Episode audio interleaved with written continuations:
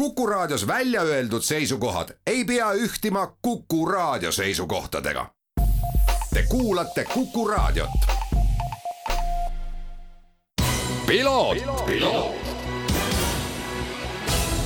Tervist, head Kuku raadio kuulajad, eetrisse läheb saade Piloot ja stuudios on saatejuht Margus Kiiver. tänases saates räägime loomulikult nädalavahetuse tippsündmusest, milleks oli Le Mani kahekümne nelja tunni sõit ja tähistati siis äh, sellega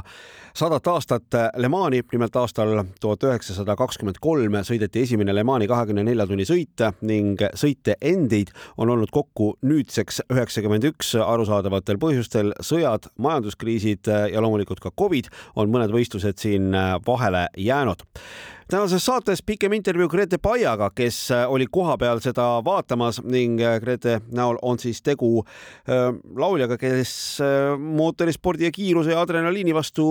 küllaltki suurt huvi on üles näidanud ja vaatame siis, mis nurga alt tema kogu seda võistlust nägi. nii palju võin ette öelda, et sai ta suurem osa võistlusest jälgida poksialat. loomulikult oli meil ka oma kits ojas, täpsemalt öeldes Martin Rump, kes siis teist aastat järjest Le Mani kahekümne nelja tunni sõidul startis, seda sedapuhku siis Proton Competition meeskonnaga ja seda siis äh, LMGTE AM-sarjas ja see oli siis selle klassi viimane sõit Le Manil, uueks aastaks uued klassid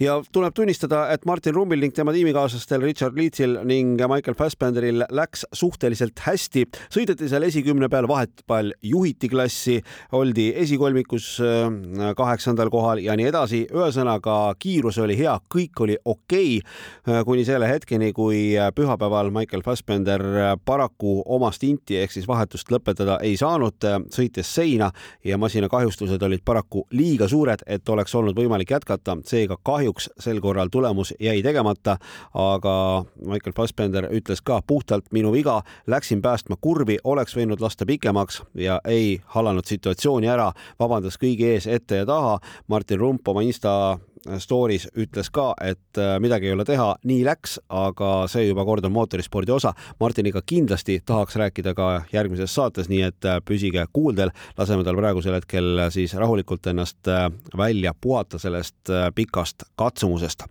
ajaloolise Le Mani kahekümne nelja tunni sõidu üldvõit kuulus aga Ferrarile. Ferrari, mis on Le Manil ikka ja alati osalenud, ei ole selles kõrg, päris kõrgemas konkurentsis, kus siis sõidetakse üldvõidu peale mõnda aega osalenud, täpsemalt öeldes viimane Le Mani üldvõit pärineb Ferrari'l aastast tuhat üheksasada kuuskümmend neli, kui sõideti masinaga Ferrari kakssada seitsekümmend viis B.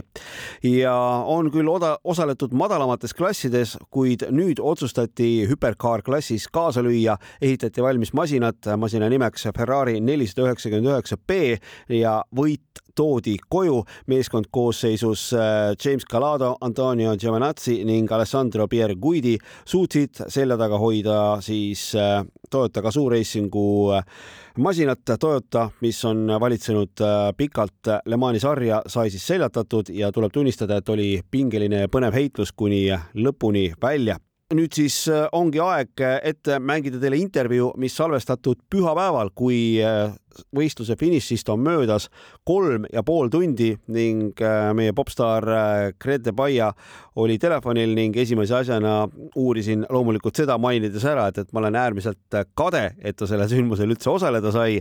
et äh, millised tema sellised esmased emotsioonid on, kui võistlus on just, just lõppenud ja millistel põhjustel tema seal kohapeal oli? Õigusega oled kade. Mina läksin ka. No ütleme nii, et e-, eks ma üritan mingeid normaalseid lauseid lihtsalt moodustada siin praegu, sest e-, ega ma olen ka sihuke kolm tundi äkki maganud väga pika aja peale ja, ja kuskilt hakkab natukene tunda juba andma see, aga noh, emotsioonid on nagu ühest äärmusest teise olnud kogu selle sõidu ajal, sest mina isiklikult, no muidugi ma elasin Martinile kaasa, aga, aga ka ühele Itaalia tiimile et äh, nendel kõige paremini sel aastal ei läinud, aga, aga noh, selline see sõit juba kord on, et, et vahepeal lihtsalt äh, noh, eks peab õnne ka olema, et kui ikkagi sellised mingid bad luck asjad juhtuvad, siis äh, noh, järelikult ju nad peavad juhtuma. kolmesadat tuhandet inimest prognoositi raja äärde nädalavahetuseks. tead, kolmsada üheksakümmend isegi wow jah, et no, ma kuulsin niisugust asja, et noh, seda ma tean, et see on välja müüdud täiesti või noh, oli on ju, aga et kuskilt keegi ütles, et rekord ka, et pole kunagi nii palju olnud ja pole vist kunagi välja müüdud olnud. no see aasta kindlasti jääb meelde ka selle poole pealt, et äh, juhtus mega palju, väga palju juhtus mm, -hmm. oma osa andis siin ka Vihm ja kui me sinuga eelnevalt äh, rääkisime, leppisime seda intervjuud kokku, siis sa ütlesid ka, et ikka täiesti uskumatu ja need inimesed, kellega sa seal koos olid, ilmselt vist ka täheldasid seda, et, et nii õnnetuste rohket aastat no, pole olnud isegi ei olnud vihmast äh, see ei tulnud, sellepärast et äh, need esimesed ju õnnetused järjest siin, kes sõitis välja, kes sõitis kellelegi otsa, need olid esimese kahe tunni jooksul isegi poolteist tundi, et, et noh, tiimid omavahel ka arutasid, et, et mis toimub, et see on nagu täitsa veider sul oli võimalus olla mm, ikkagi tiimi juures, näha seda kõike, mis seal siis äh, toimub tipptasemel. see meeskond, kellega sa toimetad, on absoluutne tipptase selles maailmas. Äh, kirjelda, milline see meeskonna töö siis selle kahekümne nelja tunni jooksul on? no pingeline, väga pingeline, ma üritasin mitte kellelegi ette jääda ja siis väga palju ma ei tahtnud seal kusagil tee peal ees olla igaks juhuks juba, kuna see on ikkagi nii suur sõit nende jaoks, aga, aga ma ei tea, neil tundub omavahel jube hea selline mõnus klapp olevat ja ja ikkagi ma oleks eeldanud võib-olla, et on närvilisem see kogu asi siin, aga noh, ega nad ju esimest korda ka ei mängi, on ju, et, et ju neil on teada, kuidas need asjad käivad ja ikkagi tunnevad omavahel piisavalt mugavalt ka selles tiimis kõik. ja, ja noh, muidugi, kui, kui need sellised situatsioonid siin juhtusid, siis äh, osad sõitjad öösel ikkagi nutsid, et, et ühe autoga ei, ei saadud lõpuni sõita ja üks sellist emotsioonide virvarri oli siin päris palju. ma tean, et sõitjad üritavad ka vahepeal ikkagi silma natukenegi kinni lasta, kuigi adrenaliini tase on nii kõrge, et see väga lihtne ei ole, aga eks nemadki ole harjutanud. kuidas mehaanikute ja ülejäänud meeskonnaga on, et eh, noh, maksimum neli tundi võib üks sõitja teha. sellel ajal ilmselt, kas on võimalik silm kinni lasta või peavad nad kogu aeg nii-öelda valves olema, et, et kui nüüd juhtub? ei, nad on ikka valves, Äh, see osa tiimist, äh, kelle auto öösel kahjuks ikkagi nii-öelda mahakandmisele läks, et, äh, et ne, nendest osad mõne tunni magasid, aga, aga see tiim siis, kelle auto lõpuni vastu pidas, mehaanikud ja insenerid ei maganud absoluutselt, et hommikul või noh, jah, kui mina oma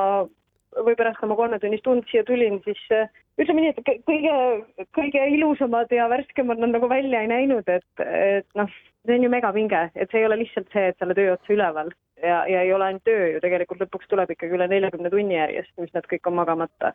see on meeletu enesehävitus tegelikult, aga eks seda enam ole ta ju tegelikult äge ka. võitis Ferrari üldarvestuses hüperkaarklassis mm. -hmm. sa olid Itaalia meeskonna juures. Äh, kuidas nemad seda võtsid, sest noh, igale itaallasele ma kujutan ette, et Ferrari on südame ja auasi väga võtsid vastu, tegelikult siis ma ei olnud äh, selle Itaalia tiimi kõrval, et äh, ma leidsin ka siin eestlased üles, oma tuttavad, kellega ma vahepeal ringi jalutasin, äh, nemad olid tegelikult Peugeot üldse külas. ja, ja noh, see tiim, kelle juures mina olin, nemad selles Hypercari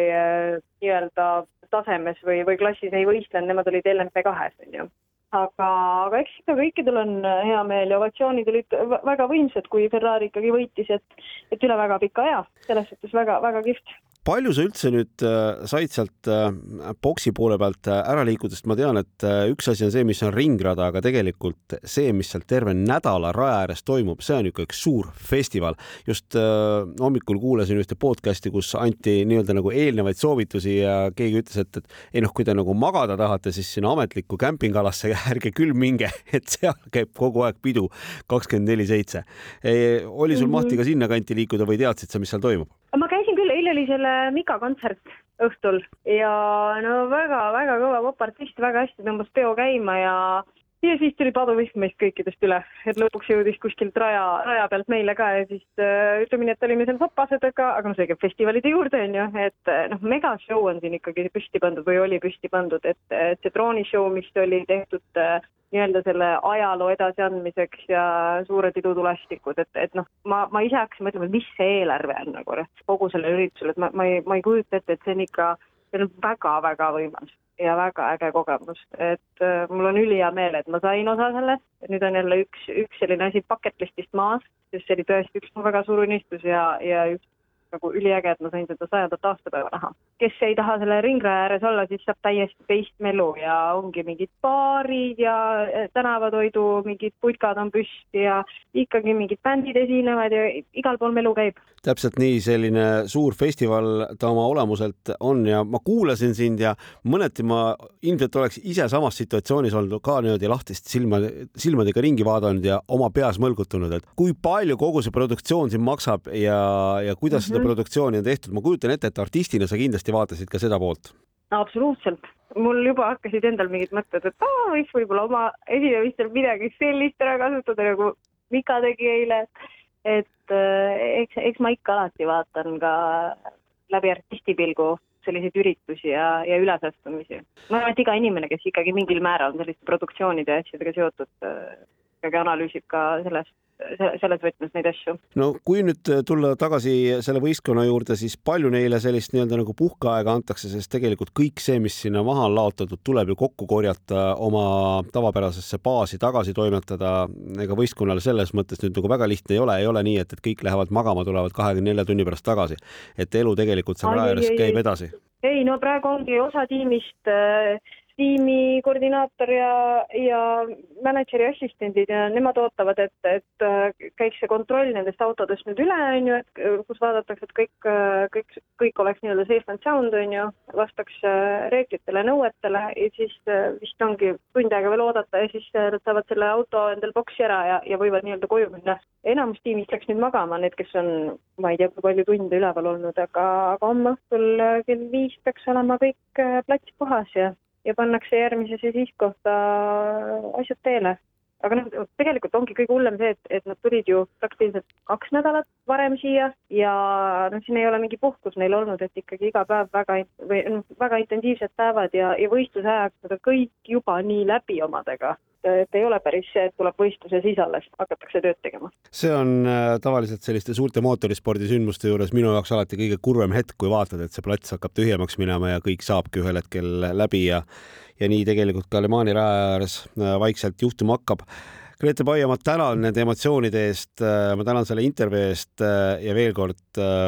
see on ikkagi mega, mida sa seal läbi elasid ja kogesid. see on midagi, mida igal mootorispordi fännil on põhjust kadestada ja ei, ma olen ise ka õnnelik ja noh, natukene ma olen vähe aeglasem äh, kui tavapäraselt, aga eks ma arvan, et nüüd äh, järgmiste päevadega, kui ma saan natukenegi magada normaalsemalt, siis mul hakkab päriselt see asi kohale jõudma. et praegu ma võin natukene liiga tuima mulje jätta, aga tegelikult ei ole üldse nagu väga-väga äge, lihtsalt seda infot ongi nii palju ja, ja seda kõike emotsiooni. sellised olid siis äh, meie laulja Grete Paia emotsioonid Le Mani kahekümne nelja tunni sõidult ja sellega saab ka tänane saade otsa. mina olen saatejuht Margus Kiiver, selline oli selle nädala piloot, kohtumiseni